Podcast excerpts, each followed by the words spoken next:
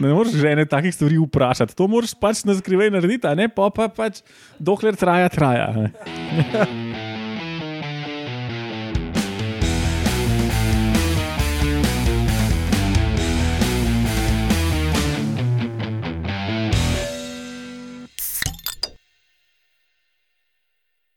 Lepo zdrav, poslušate 78. oddajo Metamorfoza, podcast o biologiji organizmov, ki vam jo kot vedno predstavimo skozi lahkoten pogovor o pivu.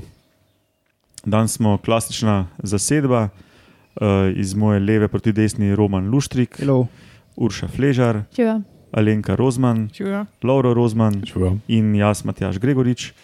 In to bo tudi klasična epizoda z novicami, ali ste vedeli, in vaškimi posebneži. In to bo danes um, v novici bomo predstavili eno raziskavo o izumiranju, ali pa o, o nekih zanimivostih iz izumiranja naše največje dvoživke.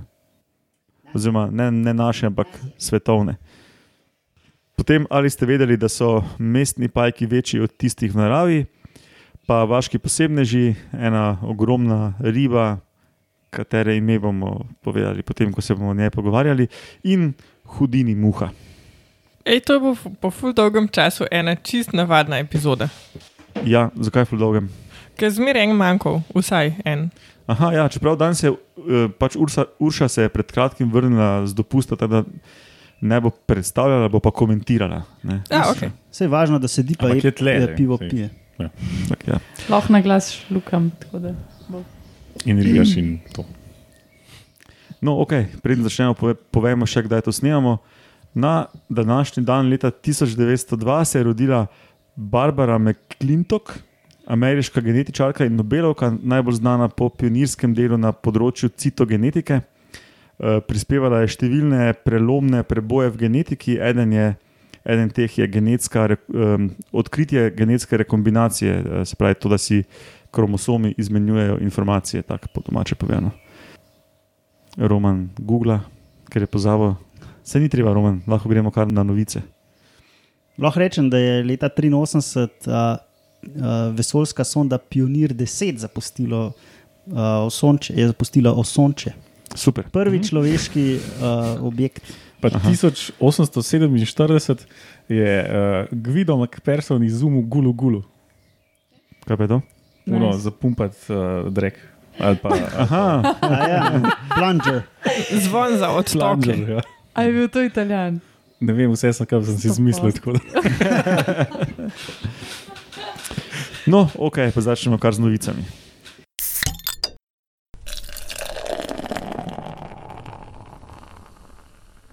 A ne kar takoj povem, point ali. Ja, Roman, to je zmeraj dobra ideja. Ja, Roman, tako Naj- povej, da ne boš zgubil vseh poslušalcev. Ja, to, to je prav več kompleksno. Um, se pravi, imamo enega velikega mučerada, trenutno največja živeča, O katerem smo itak govorili pred nekaj epizodami. Ne? Ker je bil Ja. kviz. ki je bil kviz. Uh. -huh. um, je največja dvoživka in to je močerad Andrijas Davidianus, Davidov Andrej. ne. Uh, zraste, če se spomnite, tam okoli 2 metra, to je res ogromna beštja. Um, in v naravi je zadeva že kar redkost. Uh, ogrožajo pa predvsem, kot si lahko mislite, uh, uničenje habitata, pa seveda um, uporabljajo ga tudi za hrano. Tako da zdaj je ta zadeva v naravi zaščitena vrsta in gojijo jo tudi komercialno, ne, ker je zaščitena vrsta. Je, to pomeni, da jo ti sicer uradno ne smeš iz narave vzeti, jo pa lahko gojijo v ujetništvu in drugo generacijo lahko šele uh, prodajajo naprej.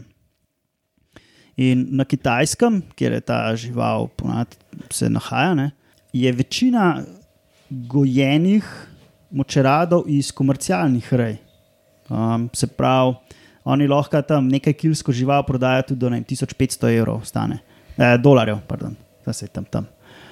Um, in eden od ukrepov vlade je, da spuščajo te živali nazaj v naravo, češne, da bi se pač populacija spet no, okrepila. ne. Ampak pač klepa več problemov. Kot prvo je to, a ne, ni, ni okolja, kamor bi lahko šli, ni habitata. In je pač kakršno koli spuščanje včasih tako malo brezpredmetno.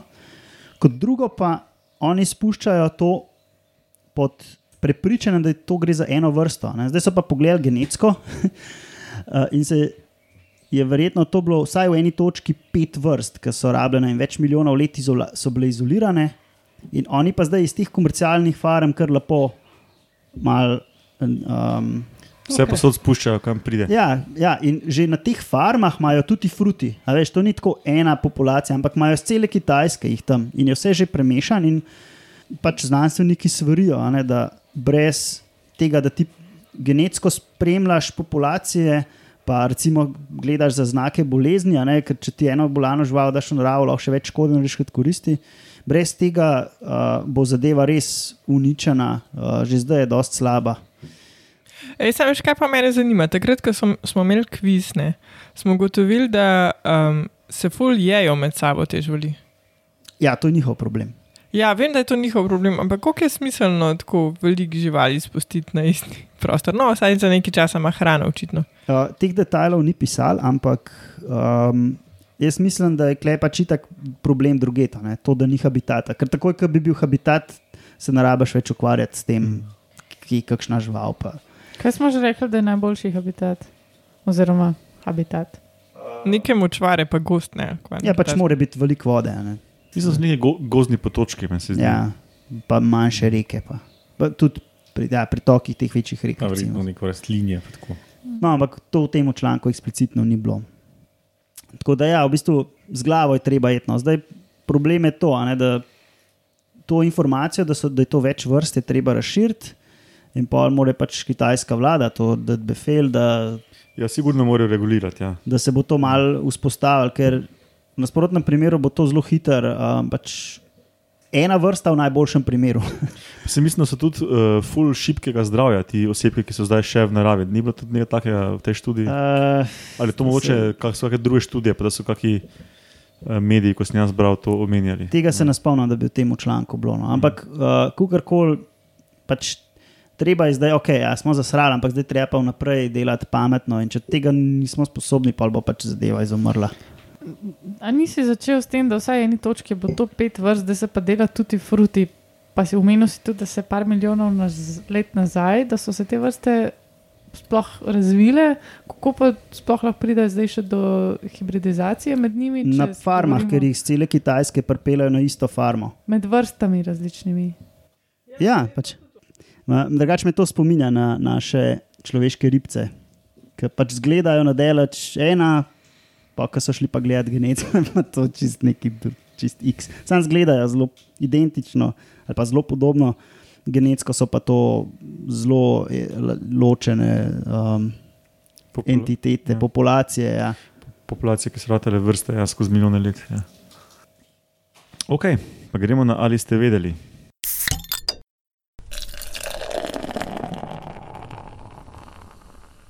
Um, ta ali ste vedeli je malo hecen, ki sem ga naslovil. Ali ste vedeli, da so mestni pajki večji od tistih v naravi, pa je to malo zavajajoč naslov. Ne?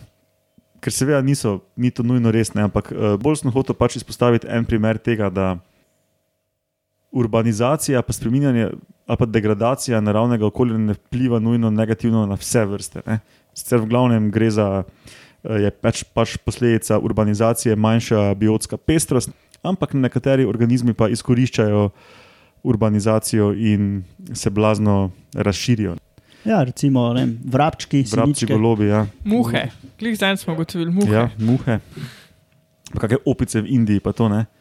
Um, vse pri žuželkah je več takih primerov, pa tudi pri pajkih najdemo. No, da, ampak sem vzel za arahnofobe in arachnofile, pač en taki primer, ko je um, no, iz kjerkoli zornega kota interesanten ali pa neinteresanten. Um, Čisto zato, ker so pač pri tej vrsti nefila plumipes iz Avstralije, to je ena en predstavnik teh zlatih mrež, to so največji pajki, ki delajo kolesaste mreže, ne, taki um, skoraj za razpon nog, skoraj za, skor za človeški obraz. Ne. Pri tem so pač malo pogledali bolj podrobno, um, zakaj tako dobro uspevajo. Ne, in so ugotovili, da tisti pajki, ki so v urbanih okoljih, ne, so večji in imajo več zalege, pač večjo maso jajc, več jajc. In da to. Um, Da sta dva faktorja, ki to razlagata. Eno je višja temperatura, drugo je pa več hrane. Ne? In Aha, spet smo pri muhah. Ja, in um, so približno tisti v mestih, ne, so tam do 10, do 10 posto večji tak po telesni dolžini od uh, tistih v naravi, imajo pa tudi prek 40 posto več uh, mase jajc. Ne. Teda plodnost kar, kar poskoči. Ja. Um, no in pa so pač recimo pri teh pogledali, um, kaj, pa, kaj pa razloži ne, to, to njihovo večjo plodnost in je to na eni strani višja temperatura, ki pač pri teh um, hladnokrvnih živali bolj hitro rastejo, lahko zrastejo večje v tisti sezoni. Ne. Uh, potem pa so ugotovili pri teh pajkih, da um, v nasprotju s pričakovanji ne, so pač mislili, okay, urbana okolja so topla, pol bojo pa mogoče kakšni deli mest, kjer je dosti vegetacije, bojo pa ti pajki sploh uspevali, ne, ker tam je dosti hrane, pa je bilo glih obratno. Ne, in uh, več kot je bilo betona, boljše je bilo. Ne, in razlaga je pač ta, da so verjetno neki insekti ali pa kakšne druge živalce, ki um, se tudi razbohotijo in jih glih ti pajki uspejo poloviti. Ne. Se pravi, je manjša pestrost uh, plena, ampak če pa glih tisti plen, ki je najbolj številčen, tvoj plen, ne, si pa ti um, Na boljšem. na boljšem. Ja. Tako eni kormorani, ko ribičem jejo vložene ribe. Ne.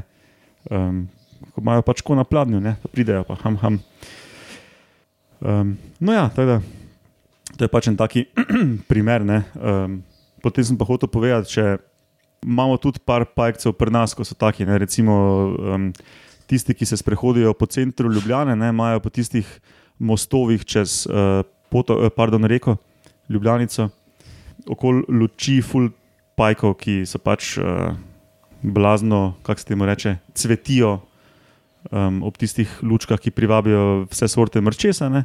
Pa še eni drugi pajki so praktično na vsaki bajti v celi Evropi živijo z nami, z ljudmi. ne, tako da Je to po vsem svetu. Tak, tako. Ja, te uh, po mostovih v Ljubljani sem jaz nabirala za svoj drugi neuspešen poskus diplomske naloge. Potem pa šlo v tretje rado. Ja, rado je bil. Ja. Rado je prišel v tretje. Mhm. Kakšno vprašanje? A si povedal, kako veliki, oziroma kako večji so te avstralski pajki v mestih? Ja, za 10%, Ja. ja. imajo pa za 40% večjo maso jajc. Tako. Koliko so pa v osnovi veliki, da si malo predstavljamo? Razpon nog čez faco. Ja, to sem tudi rekel. A si rekel? Ja. A ja, sorry. Sem očitno načrtno potlačila to. To je tak, eh, taka zelo, zelo velika samica, tako zelo napihnjena, polna jajc. Je tak, če ocenim prek palca, je glik za en palec. No, tam, po, po mojem, 6-7 centi v dolžino, pa tam 5-6 gramov um, mase, kar je ogromno za enega črnonožca. Um, Kot mali podkonjak, to je netepir. Ne, velik je 5 gramov. ja, recimo, eh, naši ta večji križavci komaj prilezejo do enega grama, ta največji pajki, ki so pri nas. Recimo, ne. Ključne roke so tudi um, v nekaj gramih. Ne? Ja, tiste najmanjše miške, pa roke, ja, so tam nekaj ni gramov. Ja. To je tako, kot 5 gramov zlata. Ali pa tukaj ena vrečka cukra. Ja, ali pa Ja. kot ena 5 gramska žlička cukra. Ne? Ja, pred- Ali pa recimo kot 5 gramska žlička soli. Ja. recimo. Tako da si lahko uh, plastično predstavljamo.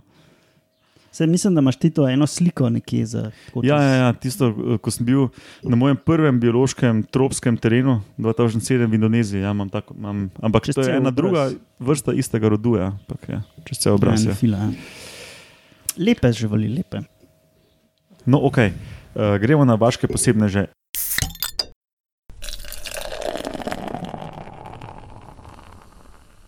In začnemo z ribo. Aha. Ja, jaz imam pa eno čudno ribo. Uh, Lidzichtis je izumrla riba, imenovana po gospodu Alfredu N- Nicholsonu Ledzu. Lidzu. No, ja, never mind. Um, te ribe, čudaške, so živele tja od Jure pa do konca Krede, se pravi takrat, v bistvu, ko so tudi živeli dinozauri. Um, je pa znana samo ena vrsta in sicer Lidzichtis problematicus. Ja, z razlogom ima tako ime, zato ker je imela v bistvu velik del skeleta hrustančen uh, in zato pač ta skelet ni fosiliziral. In med hrustančnim delom skeleta so bila tudi vretenca, zato pač je ne mogoče določiti, koliko je bila ta riba velika. V vsakem primeru je bila pa ogromna. Uh, ocene so od nekje uh, od 9 metrov, pa drugi pravijo, da je več kot 30 metrov. Nekako najbolj pogosto najdeš um, oceno 16 metrov, eni trdijo tudi še na decimalke 16, celih koka, ne natančno, ampak dejstvo je, da je ne mogoče določiti, ker pač ni fosilnega zapisa. Se je pa ohranil um, deli po glavi. no, Se pravi, deli lobanje fosilizirani, A, sem mislil, da je kakšna, kakšna črtica, poglavje črtice, v katerem piše, koliko je bilo dol, dolga. Ne, uh, po, teh, po teh lubla, lubanskih, ljubljanskih, po ljubljanskih kosteh so pa sklepali, um, da so bili to filtratori, kar je tudi relativno smiselno. Ja, tudi kot ta Basking Shark. Ja. Ja, se, pa sem za primerjavo pripravila, um, koliko so pa kaj današnje ribe velike. ne, Uh, ker skli, uh, zelo pogosto je, mislim, takoj ob imenu Lizihtis se pojavi podatek, da je to največja, kadarkoli živeča riba. Ne. Sem šla malo pogledat in um, največji je ta whale shark, ne vem kako je to po slovensko, kitji, morski pes. Um, Ali kitovec, mi se zdi. Akitovec. Meni se zdi. je 12,7 metra. Pol tako zanima pa Basking Shark, ja, je pa 12,3. Uh, pol pride Tiger Shark z se, 7 metri in pol, pa Greenland Shark s eh, 7,3 metra. Te smo tudi že imeli v Oni epizodi. globoko morski, Mhm. dolgo živeči. ne? Ja. Ja, in to so v bistvu vse hrustančance, ne vse pa za njim pride še beli morski pes s 7 metri in pozor, prva riba kostnica, kaluga uh, s 5,6 metri, je pa uh, sladkovodna in živi v reki Amur, ki je, uh, sigurno še nikoli niste slišali za njo, ampak je deseta najdaljša reka na svetu, med, mejna reka med Rusijo in Kitajsko. Kaj bi, te, bi za poslušalce, ki niso biologi, povedali, kaj so ribe kostnice, pa kaj so ribe hrustančnice? Hrustančnice so morski psi, Ja, Mhm. ribe kostnice so pa. vse ostalo. Ja, pač one, ko plujemo kosti ven, ko jih jemo. Ne? Ja. Morski psi pa skati so pa te hrustančnice. ja. No, za kalugo pride še orjaška manta, ki je spet hrustančnica. In pa za njo pride morski mesec, ki smo ga pa tudi že imeli. Mola, mola. Ja, tako da pole pa še ene par teh vrst nekih drugih mesecev in tako skratka, te ribe kostnice so relativno majhne, no, tako v primerjavi z temi morskimi psi in ostalimi in sploh v primerjavi s to z izumrlo um, ribo Ledzihtis problematicus. Za katero itak ne vemo, koliko je bila velika. Ja, vemo pa, da je bila zelo velika. To je to? Cool. Hudini fly. Okay. Aha, ja. Um, no, danes imamo um, za vaškega posebneža uh, eno muho, ki se ji reče Hudini fly, se pravi Hudinijeva muha. Ampak začnimo od zadaj, kot se spodobi. ne. A se lahko reši s katrce, Mogoče če je hudini. bomo videli. Mogoče ne iz katrce, ampak odkje pa že. Ampak začnimo, kot rečeno, od zadaj. Uh, se pravi, ene čebele, take bolj samotarske čebele, gnezdijo v takih rovih. Um, recimo, n- nagajivi biologi jim dajo slamco uh, ne, od piva uh, in pa imajo noter gnezd. Se pravi, imajo take uh, slamce in potem noter da malo peloda, pa uh, malo cvetnega prahu, potem noter odloži uh, jajca in potem zadenfa to kamerco z uh, takim blatom. In potem odloži kar zatem tako v vlakcu, ne, naslednjo in potem še naslednjo in potem še naslednjo in tako naprej. ne. In čez uh, un, Več nadstropna v bistvu. Ja, ja, pač predstavljamo si kot slamco, a ne, in pol so pač na, na vsakih, ne vem, rečva centi uh, ali pa dva, ne, je ena kamerca, noter je komplet uh, peloda nektarja, uh, jajcev, in, enega jajca in potem pač prekati z 2 do 6 mm debelo steno.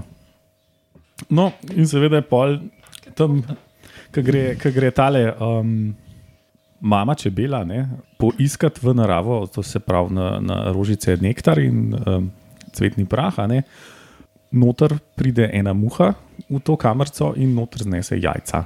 Aha, takrat, ko čebela ne pazi.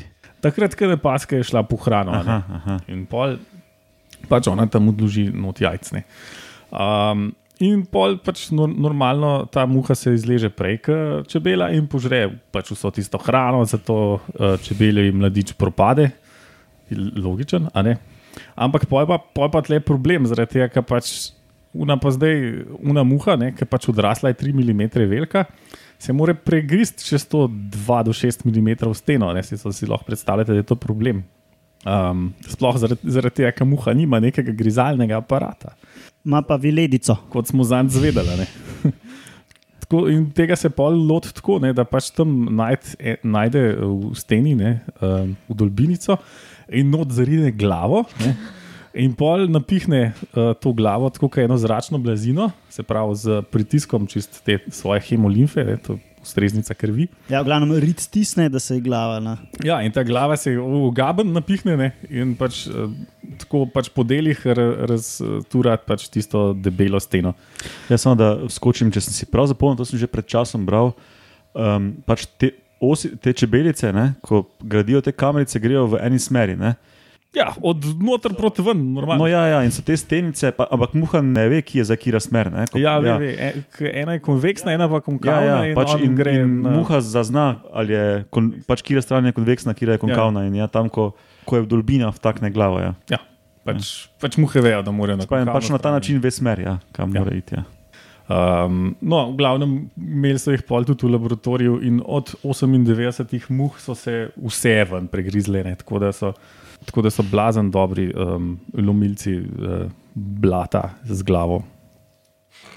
Če, če se glava napihne, potem pomeni, da je relativno mehka, to še zmeraj dovolj, Ja. ja. da prebije tisto steno. Nima nobenih Ja. ja. takih ščitkov ali pa česa tazga, Ne. tršiga. Ne, mislim, pač, ta, ta, je tudi, ta je še cela, tako tudi mehka muhica, ampak pač nekako tišči tisto glavo, čez da tisto raznese. No. Jaz ne vem, sedaj zraven je posnetek, tako da si lahko pač to mogoče. No, no, bomo ogledamo, dali, bomo dali v zapiske. Ja. Um, zgleda čuden in tudi je pač, to te muhe. No, veš, To je to, ko uporabljaš glavo. Ne? Ja, ja. Zato sem prej zastrigel z ušesi, ker si ti že to prej rekel. Ker si rekel, da se z glavo lotiti. Prvi pr muče radih prej. Aha, aha. Ja, in ko smo bili pri muhah, uh, se še zahvalimo vsem poslušalcem. Bilo je kar nekaj odziva, sploh na Twitterju. Doktor Prlek ki je tudi nekaj vprašanj postavil, je tudi hotel doma delati poskus um, z drekom in medom, pa mu žena ni pustila. Oh. Saj on rek del, verjetno. Ne? Jaz res ne vem, zakaj mu ni tega pustila.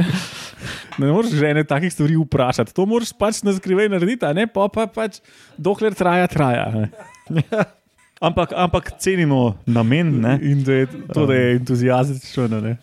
Tudi osemletnik in desetletnica sta bila menda navdušena in tako da uh, ju, ju vabimo tudi um, v nadaljnih uh, posebnih oddajah še uh, k spraševanju. A ste zvedeli, kaj je to analno? To pa, to pa moramo opazovalko vprašati. Um, ja, no, in tudi nekaj drugih fajn odzivov je bilo. Uh, tudi um, zgleda, da bodo nekateri poslušalci maretice vohali. Mhm, Um, tako da, ja. Obetamo si rezultate. Čakaj, marjetice ali vanščice? Ivanščice. Ja, pardon, Ivanšice. Ja. Same, same. No, ok, te pa zaključimo to epizodo še z admin outrotom. Um, Metamorfoza gostuje na medijskem mreži Metina Lista.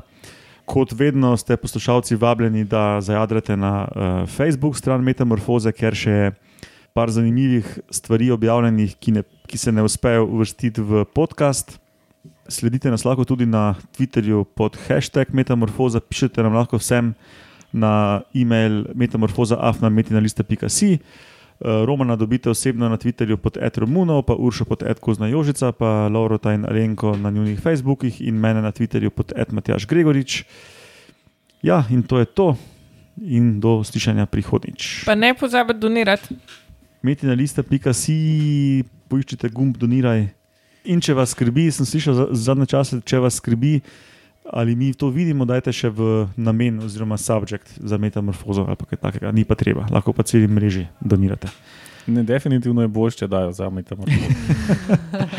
no, mislim, kaj nismo zdaj tle altruizem, tle ne zganja. No, in seveda zelo, zelo hvala za vsako donacijo.